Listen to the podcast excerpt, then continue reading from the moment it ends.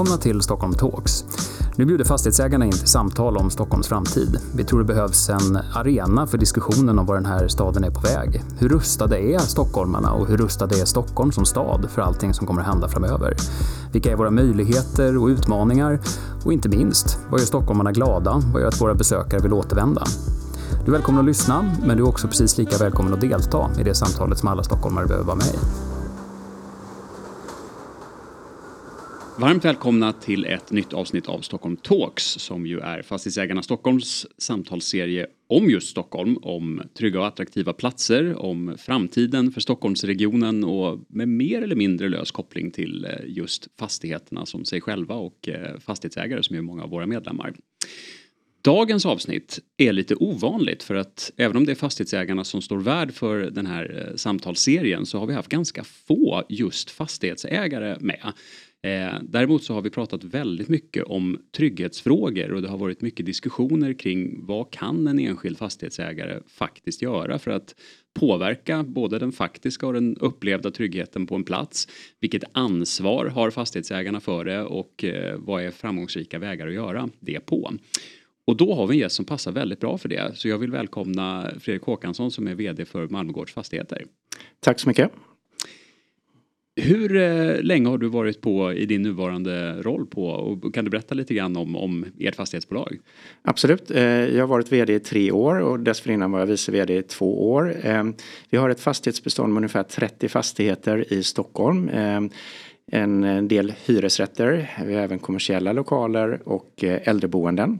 Och eh, med tanke på dagens diskussion så har vi också då ehm, ett, eh, två fastigheter i Märsta som är ett utsatt område lite mm. norr om Stockholm. Mm.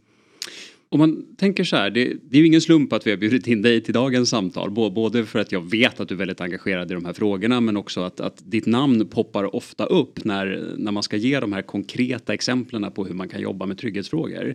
Att ni har gjort det så mycket, är det en konsekvens av att ni måste eller hur mycket bygger på att du har ett personligt engagemang i frågan eller att ert bolag har det? Eh, man kan säga att det är väl två, två delar i den, den frågan. Att, eh, det första är att vi var tvungna att göra någonting för situationen var 2019 var väldigt svår i Märsta eh, och vi fick ingen gehör hos vare sig kommunen eller polisen. Men den andra frågan är att vi har ett stort eh, samhällsengagemang i företaget som ägaren då sedan många år har bedrivit bland annat med Stockholms Stadsmission. Mm. Och detta är ju en förlängning att vi hyr ju inte bara ut bostäder utan vi även tar ett lite större ansvar för platserna runt omkring där våra fastigheter är belägna. Mm. Om man börjar i den väldigt ska vi säga, breda kontexten av att jag tycker att det är bra att vi pratar så mycket trygghetsfrågor för det är en, det är en viktig fråga och den är, den är både högt upp på den mediala agendan och politiska agendan och som du nämner nu också bland, bland fastighetsägare och så här. Om man tar det läget vi befinner oss i just nu med både de utmaningar som finns på många av våra utsatta områden, vi har gängkriminalitet, vi, vi pratar mycket om trygghetsfrågorna. Hur oroad är du över liksom utvecklingen givet vad du ser just i, i de platser som ni förvaltar? Jag tror att det kommer att bli sämre innan det blir bättre. Mm. Eh, och anledningen till det, det är att vi har, som du säger, börjat prata om de här frågorna nu, vilket vi inte fick göra för, om vi backar tre år, så fick vi inte prata om att det var problem i vissa områden. Det gör vi nu. Eh, men jag tycker att vi pratar kanske bara Eh, eller en stor del av debatten är, handlar om, om hårdare straff eh, om, och så vidare. Mm. Men den andra sidan av mynten är också hur kan vi förbättra integrationen?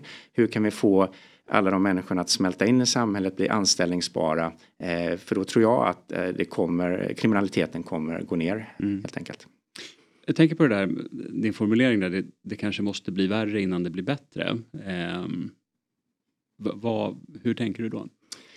Jag tror att, att eh, vi måste ha en bredare debatt och förstå att eh, den problematiken vi har idag med integrationen, utanförskapet och de kriminella nätverkens påverkan på samhället eh, så måste vi förstå eh, varför det ser ut så. Och det är väldigt många olika faktorer som har gjort att vi hamnat i den situationen vi gör idag. Mm. Och då tror jag att vi måste, alla, eh, vi måste förstå alla de olika faktorerna för att kunna hitta lösningar på det så att vi inte bara jobbar på ett ställe utan jobba på flera ställen samtidigt. Mm. Mm. Och få fler aktörer då att samverka med varandra. Absolut, och det kommer ju vara en nyckelfråga, det är ju samverkan helt enkelt. Mm. Om man, om man nystar lite grann i just i den frågan, att där, där sitter ni som fastighetsägare i ett område där det finns en del bekymmer och man vill, vill skapa en, en plats som är trygg både för boende och de som verkar där. Var, var börjar man i det man kan göra själv och var, var, var tar det stopp i när, när fler aktörer måste in om du förstår vad jag menar? Ja, men jag, jag tror att eh, det som man utmaning med den enskilda fastighetsägaren i den här frågan det är att du kan kontrollera dina hyresgäster. Det vill säga är det någon som hyr ut olovligt i andra hand. Du kan kontrollera är det rätt hyresgäster som, som eh, bor i, i respektive lägenhet. Eh, när det gäller lokalerna så är det ju viktigt att kontrollera hyresgästerna så de inte bedriver någon, någon eh, kriminell verksamhet eh, och så vidare. Det är ju det man kan göra som, som fastighetsägare. Det det blir svårare är ju när det blir en tyngre kriminell verksamhet mm. i fastigheten. För en fastighetsägare har ju inte ett våldsmonopol. Vi kan ju inte ingripa eh, mot den typen av verksamhet då. Och mycket av de, den här problematiken sker ju också mellan fastigheterna. Det handlar inte bara i respektive lägenhet eller lokal utan det är utanför fastigheten eller mellan två stycken fastigheter. Mm. Och där måste man ju då börja eh, samarbeta med andra fastighetsägare. Mm. Får man lite andra ögon när man liksom, opererar på en, en, en, väldigt specifik plats sådär? Jag tänker så här, om, om du kommer in i ett område eller tittar både på, på hus och vad som händer mellan husen. Vad, vad, vad är de här signalerna när du känner att oj, här finns det nog bekymmer? Hur ser du det? Eh, i vissa, I vissa platser så ser du inte det okulärt. Det kan vara mm. jättesnyggt för din fråga är ju lite grann att i vissa områden är det eh, skräpigt, det kan vara dåligt underhåll och så vidare. Men många fastighetsägare har idag faktiskt tagit ett ansvar och renoverat sina fastigheter, installerat eh, bra passagesystem, mm. man ser till att plocka ordning, hålla ordning i rabatter och så vidare. Eh, så man, tyvärr så kan man inte riktigt se det på ytan sådär längre utan och det är väl det som är utmaningen någonstans. Att, mm. eh, när jag har visat folk i Märsta exempelvis så tycker många åh vad fint det mm. ser ut här. Mm. Men det är ändå ett område som är eh, eh på polisens lista som ett, ett eh, riskområde. Helt mm. enkelt. Mm.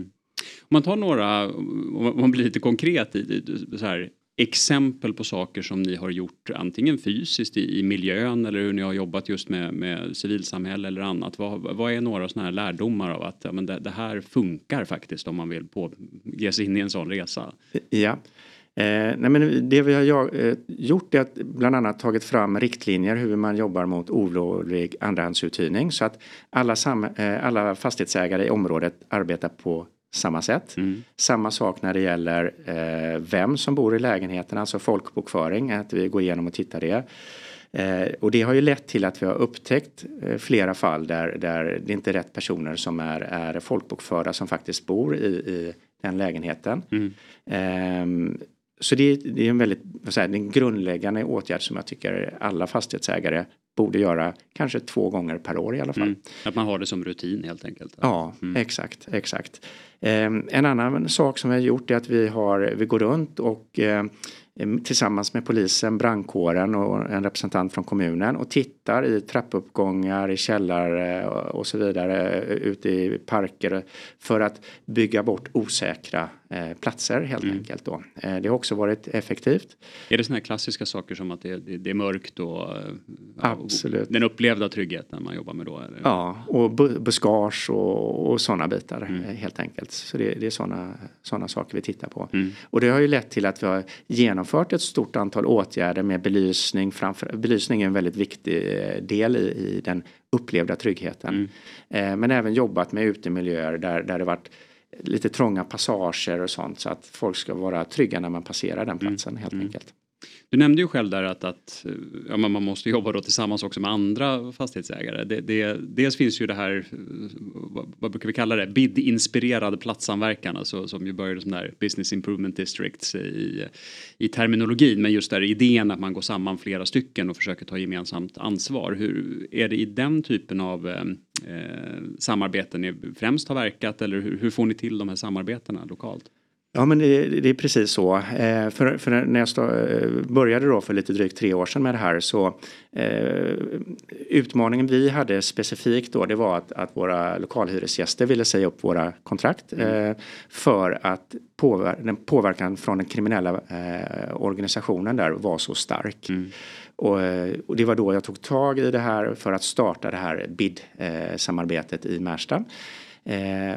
Och då samlade vi fastighetsägarna och, och vad det ledde till det var ju att vi bland annat en, en utmaning vi har det är tystnadskulturen. Det vill säga att man anmäler inte mm. eh, några brott som sker för man tror inte att polisen kommer göra någonting åt det. Och då blir det ett väldigt stort mörkertal som mm. vi inte ser i statistiken där polisen kan säga att ja, men allt är lugnt för vi har inte några anmälningar. Mm. Men det beror ju på att man litar inte på polisen helt enkelt. Eh, så vad vi har gjort där. Men varför, just i den delen att man inte litar på polisen. Upplever du att det i huvudsak är en tillitsfråga att man inte tror att det händer någonting eller finns det också en sån här rädsla att jag vill inte själv kliva fram? Alltså, är det båda delar eller är det något som väger över där? Det är båda delar i den eh, och det visar också komplexiteten i, i den här frågan. Eh, den första delen är ju att en del eh, personer som kom, kommer från kulturer där, där eh, samhället har förtryckt medborgarna. Mm. Så man har med sig hela den historiken så man litar inte på institutionerna utan man tror att institutionerna kommer göra en ont. Mm.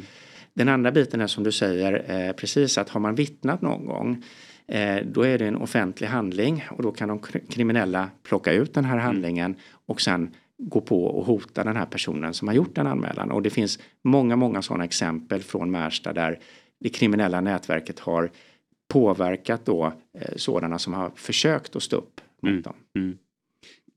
Jag tänker så här, har du varit rädd själv ur det perspektivet? Jag tänker att du nämnde själv att du, du besitter inte själv det stora våldsmonopolet att, att kunna så här, att, att, ta tag i och, och bara ordna någon olagliga andrahandsuthyrningar eller vad det kan vara. Jag kan tänka mig att det inte är helt enkelt alla gånger. Ehm, man kan väl säga att jag fram, framförallt orolig för min personal. Mm. Eh, för de har blivit hotade av det kriminella gänget. Eh, och, och, det är mitt ansvar att skydda dem mm. så att inte no någonting händer dem. Eh, men det är klart att jag tänker på vad jag säger och hur jag säger för att inte exponera mig helt enkelt. I onödan liksom mm. så. Mm. I de här då, om, om kallar det bidsamarbete eller fastighetsägarförening, att man, att man går samman. Eh, hur, hur får man, vill alla? Är det svårt att få med sig alla på en plats att, att göra det här gemensamma jobbet? Jag tycker att fastighetsbolagen, om man börjar med, med dem då, eh, och de lite större fastighetsbolagen, så finns det en väldigt stark vilja att engagera sig. Det finns ett stort samhällsengagemang. Så att eh, när jag ringde runt i början eh, så tackade alla ja. Eh, för de tycker att det här är en viktig fråga. Och de avsätter då både resurser i form av pengar men också i tid eh, mm. då för att vara med och hjälpa till i det här. Så de tycker jag gör det bra. Eh, så vi har en Sen är det ju svårare för en bostadsrättsförening att medverka för där har man ju ett vanligt arbete och, mm. och eh, så att säga. Så det, det, är en liten skillnad där. Mm. Jag, jag ställer frågan delvis också för det, det här var ju eh, en av frågeställningarna som, som fanns med i den nya regeringens samarbetsavtal att man också ville titta på möjligheten att kanske lagreglera och tvinga in folk i den här typen av samarbete. Vad, hur ser du på det där? Ska, ska det i huvudsak vara frivilligt eller skulle det vara nyttigt med, med någon sorts tvingande lagstiftning? Osäker på det faktiskt. Eh, det som jag tror skulle må bra av det är kanske att man definierar upp vad en bidförening är eh, eh, som exempel så att det finns tydliga regler kring mm. det i alla fall. Mm.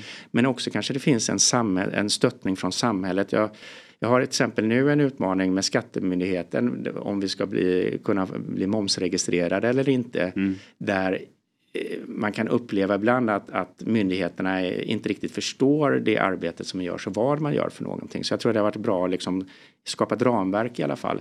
Sen tror jag ju mycket personligen på friheten att mm. eh, har du en frihet då, då kommer initiativen också på något sätt. Mm. Och, och det, nu, nu har vi pratat lite grann om just att, att få med dem som, som äger husen eller fastighetsägarna runt omkring. Har det varit lika lätt att få med, om, om vi tänker just på kommunen, polisen, eh, räddningstjänsten, alltså alla andra som behöver finnas med i det också? Samma engagemang där eller hur ja. har det gått? Jag tycker det är väldigt individberoende. Mm. Eh, så att eh, det finns individer i varje organisation som är otroligt dedikerade och vill verkligen göra skillnad. Och eh, jag kan börja då med, med till exempel räddningstjänsten eller brandkåren i Märsta. De gör ett fantastiskt jobb och, och chefen där för brandkåren är otroligt engagerad i det här BID-samarbetet och gör ja, verkligen ett riktigt bra jobb som ligger långt utanför mm. vad man skulle kunna kräva från räddningstjänsten då helt enkelt. Eh, men han ser också fördelar i, i det här eh, samarbetet för att vad han får tillbaka av oss det är att han får till exempel områdeskartor där han ser varje fastighet, vad, vad, vem som äger det, vem som är kontaktperson, journummer till alla, vad har vi för försäkringsbolag på varje fastighet. Mm. Så händer det någonting, en, en, vattenskada mitt i natten eller det börjar brinna någonstans. Då har de ett telefonnummer och det här har ju underlättat deras arbete otroligt mm. mycket då. Det är ju sånt som jag föreställer mig att en utomstående tänker så här, va, har inte det funnits? Men, för det mm. låter ju självklart, men, ja. men, men, bara det, det, blir ganska basala åtgärder inledningsvis då. Ja, exakt, mm. exakt. Mm. Eh, sen sen eh, eh, har vi samarbetet varit Eh, vi har ett bra samarbete med kommunen upplever jag. Eh, de vill, sen är det inte alltid de har resurser att, att eh, resurssätta då den mm. ambitionsnivån som finns. Men jag tycker det finns en, en lyhördhet och det finns Vi har satt upp mål för 2025 och 2030 tillsammans vad vi ska försöka uppnå i området då. Mm. Sen har vi ju då polisen där jag tror att deras största utmaning lite grann det är hur polisen idag är organiserad. Eh, vi har exempelvis idag då en områdespolis för Sigtuna, eh, det vill säga hela Märsta mm. Eh, och en kommunpolis. Och den här områdespolisen får ju inte patrullera själv. Så det innebär ju då att den personen är där en eller två dagar i veckan. Mm. Så det finns ju ingen synlig polis i de här utsatta områdena den största delen av, av veckan då. Mm. Och det innebär ju att det finns ju andra som kan ta över gaturummet eh, under den största delen av, av dygnets timmar. Mm. Är det, om man tänker på just det här med att, att, polisen, den diskussionen har ju ibland funnits att det vore bättre med, med en kommunal polis eller åtminstone större lokal. Hur, hur, ser du på det? Är, det? är det organisationsformen som strular till det? Att det, man, det beslutas någon annanstans? Ja, men jag tror det är en utmaning vi har. Eh, för tittar man då eh, tidigare, man gjorde en polisreform eh, då som gjorde att 2014 så stängde man ner poliskontoret i Märsta. Det fanns ju en polisstation där mm. innan med en lokal förankring. Den flyttar man ju till Sollentuna istället. Mm. Så jag tror att fattas besluten längre ifrån och det inte finns personer som har eh, anknytning till platsen. Mm. Det är en del av polisen. Sen måste det finnas utredningsresurser och specialister som är centraliserade. Men vi har tappat lite grann där mm. tycker jag. Jag tänker på det du, du nämnde med, jag menar, satt upp mål för 2030, var ska man vara? Hur, mm. hur, hur formulerar ni dem och hur följer ni upp dem? Och är ni eh. på rätt väg som det ser ut just nu då? Ja men precis. Det, det är alltid, nej men vi satte oss tillsammans med kommundirektören och, och, och kommunstyrelsens ordförande för att titta på vad är det, vad kan vi, vilka, vilka delar i fastighetsägarens ansvar och kommunens ansvar, var möts de någonstans? Mm. Var finns det överlappande eh, delar? Och där är så, där kan vi sätta gemensamma mål. Mm. Så, så, eh, och det handlar i exempel med olovlig andrahandsuthyrning. Det handlar om eh, hur kan vi bidra liksom, eh, till exempel med, med läxläsning eh, och så vidare. Och så vidare. Men den är ju intressant för att det, det är som du säger, man, man, hamnar ofta i det här, de hårda åtgärderna om man ska mm. få bort de som inte egentligen har rätt att vara i, fastigheten. Och du pratar om belysning och, och liksom trygghet på plats, fysiska åtgärder. Men, men ni, är, ni är även engagerade alltså i läxläsning, då blir, det, då blir det en annan typ av saker. Ja men absolut, och vi, vi eh, har till exempel, vi ger sommarjobb mm. eh, till, till barn. Eh, vi ger även mat till dem under lov och sånt för en del, det har varit en debatt sista sista mm. tiden också om det att många barn går hungriga. Mm. Och då har vi klivit in och hjälper till bland annat på det området. Mm. Då är man ju tillbaka i den här grundfrågan. Var, var, vad, vad, gör man för att man, man vill och vad gör man för att man måste höll jag på, på att säga. För man skulle ju säkert finnas de som skulle säga så här, ja men någonstans måste väl ändå gränsen gå för vad en fastighetsägare ska ha ansvar för. Eh, och, och så här, vad, vad, hur ser du på det där? Vad, finns det åtgärder som du skulle vilja göra men som är så här till slut att ja, men det, det kan inte vara den enskilda fastighetsägaren som ska fixa det. Det måste det omliggande samhället göra. Var, var går de där gränserna för dig? Ja, men, eh, jättebra fråga. Och, och där måste vi se att vi kan ju inte ansvara egentligen för att, att barnen ska gå klara högstadiet och gymnasiet. Det är inte vårt ansvar. Mm. Det är inte vårt ansvar att våra boende ska lära sig svenska eller få rätt utbildning. Eh, vi kan inte ta fast eh, personer som begår eh, olagliga handlingar i våra fastigheter eller omkring våra fastigheter. Så, så jag tycker det finns en ganska tydlig gräns i eh, vad vi kan göra. Eh, däremot så kan vi ju samverka när vi ser att saker och ting händer, att, att någon inte bor lagligen i en av våra mm. lägenheter och så vidare. Och där, och det, där sköter vi en, en, kommunikation både med socialtjänsten och med polisen mm. idag. Så där tycker jag mm. att samarbetet fungerar bra. Finns det några, det blir ofta så i, i samhällsdebatt att alla pekar på någon annan och säger att de borde göra det. Finns det Upplever du ibland att det pekas för mycket finger åt alltså just det här att det här får väl ni lösa som fastighetsägare? Alltså upplever du det att man skjuter mer ansvar än vad som borde ligga på, på dig som fastighetsägare i det här fallet? Ja, jag tror att det, det kan ligga lite grann i det du säger att, eh, och det kan ju också vara att fastighetsägare pekar på någon annan. Mm, absolut. Men eh, för frågan är så komplex så det är så många saker man måste göra samtidigt så det är många som är ansvariga i mm. det här. Mm. Och det är väl det som är utmaningen att alla ska förstå sitt ansvarsområde i det här. Om man tittar på ja, men de saker som du har nämnt nu är ju ändå ett sätt att vara lite vara lite kreativ med de verktyg som finns och att börja prata med varandra. Men i det här arbetet som ni har hållit på med vad finns det för saker som du skulle vilja göra som inte går? För att det är antingen lagstiftning som är i vägen eller kultur eller vad, vad, vad, är, dröm, vad är drömlistan?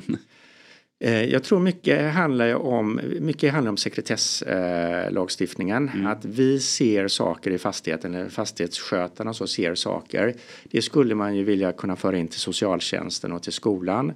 Eh, så att de kan ta tag tidigt i där man ser ett problem så att det inte blir ett stort problem. Det, det, är en sån utmaning. Ehm, en annan utmaning är hur ska vi som fastighetsägare när vi ser att någon säljer droger i vår fastighet. Mm. Vi har, hur, eh, idag så kan vi inte eh, avhysa den personen mm. eh, efter den har fått ett antal chanser naturligtvis. Men, eh, så det är väldigt svårt för oss att bli av med någon som förstör för många andra och det, det är väl lite det jag känner en utmaning att jag ser en, en någon som säljer vapen i, i källaren Eh, eller säljer droger i trappuppgången så vet jag att en barnfamilj sitter en halv trappa upp och har eh, fredagsmys med mm. Bolibompa och sådär. Jag vill ju skydda den barnfamiljen från mm. allt det här andra helt enkelt. Men idag så kan jag inte det rent legalt. Nej. Och samtidigt så blir det alltid svåra avvägningar och diskussioner. Om man tar det här förslaget som jag har varit uppe nu och som man ju utreder att, att faktiskt kunna bräka en, en, en, familj där det finns gängkriminella eller så även om alla i hushållet inte är på. Hur, hur ser du på den där? Hur ska man liksom förhålla sig till den typen av svåra avvägningar. Ja men precis och för mycket handlar det om i, i svensk lagstiftning tycker jag att vi försöker skydda då den som har begår brott, att mm. dens rättigheter ska tas tillvara. Men den andra frågan är eh, alla som blir påverkade av den här personens beteenden. Eh, jag kan ta som exempel då i, i, i vår fastighet, vi hade en gängkriminell som, som var där. Eh, och han drog in många andra gängkriminella i fastigheten och det ledde till att det blev, och de hotade många av mm. våra hyresgäster. Vilket ledde till att barn, barnen i fastigheten fick inte gå ut efter klockan fyra på eftermiddagen för föräldrarna var för oroliga eh, för att de skulle hamna i klona på de här kriminella eller bli påverkade på något sätt. Så det innebar egentligen att de fick sitta i fängelse på grund av att eh, den här personen kunde verka mm. Eh, från fastigheten då. Och efter då vi lyckades få den här personen att flytta så eh, har det blivit mycket, mycket bättre. Barnen vågar gå ut på, på eftermiddagen och de har återfått sin frihet mm. helt enkelt i det här. Och det är frågan vems rättigheter är det vi pratar om här? Ja, det handlar, ja precis. Till syvende och sist är det ganska många som får sin frihet beskuren om man, om man inte tar tag i det egentligen. Då. Ja, exakt. Mm. Om man tänker sig, vi ska börja, börja avrunda lite grann i det här samtalet. Det känns som att eh, man, man får ofta tillfällen att lyssna på dig i olika sammanhang. Men, men eh, jag fastnade lite för det här du sa att det måste bli värre innan det blir bättre. Om man ska försöka avsluta med, med någon sorts känsla av att vi i bästa fall är på väg åt rätt håll. Vad ser du för, vad ser du för positiva signaler? Om du tänker både kanske vad ni gör lokalt men också i, i, eh, i samhällsdebatten i stort. Är, är vi ändå på rätt väg? Ja men det tycker jag, om, om vi backar tre år, för det är lätt att man är pessimistisk om man mm. tittar eh, på alla utmaningar. Men om vi backar tre år och tittar på hur det ser ut idag så för det första så pratar ju alla om trygghetsfrågorna där, idag och det är stort liksom på nationell nivå. Mm. Eh, det andra är att vi, vi eh, har ju bildat bidföreningar. Vi är ju inte den enda i Stockholm, det finns många i Stockholm men även i, i andra orter i Sverige där vi samarbetar nu. Eh, det vill säga att vi kan dela med oss av vad är det som funkar och vad mm. funkar inte. Så, det blir, så där ser det också då väldigt mycket bättre ut. Då, mm. Helt enkelt. En sista fråga. Vi, vi eh, kommer ju från Fastighetsägarnas sida ha ett eh, gediget program i Almedalen och då få möjligheten att och, ja, men både samtala med, med, politiker från både majoritet och opposition i, eh, men, men också massor av samhällsdebattörer. Och man, vad är de viktiga frågorna att ställa till de politiker som ska komma och prata om de här frågorna med fastighetsägararenan? Det är just att våga prata lite bredare tycker jag. Att inte bara prata lagar utan prata liksom eh, samverkan med fastighetsägaren. Eh, det pratar hur ska man eh, adressera skolfrågor, polisen, eh, hela det här samhällsengagemanget som vi hade tidigare i Sverige. Att det, det fungerade ju ändå på något sätt. Mm. Bra sammanfattat. Jag, jag, inledde ju det här samtalet med att säga att det, det var ovanligt att prata med en fastighetsägare men, men eh, det, det, blev inte så mycket diskussion om just fastighetsförvaltning utan om just det som ligger runt omkring och det är väl därför du ofta finns med i de här sammanhangen. Men Fredrik, stort tack för att du ville vara med i Stockholm Talks idag. Tack så mycket.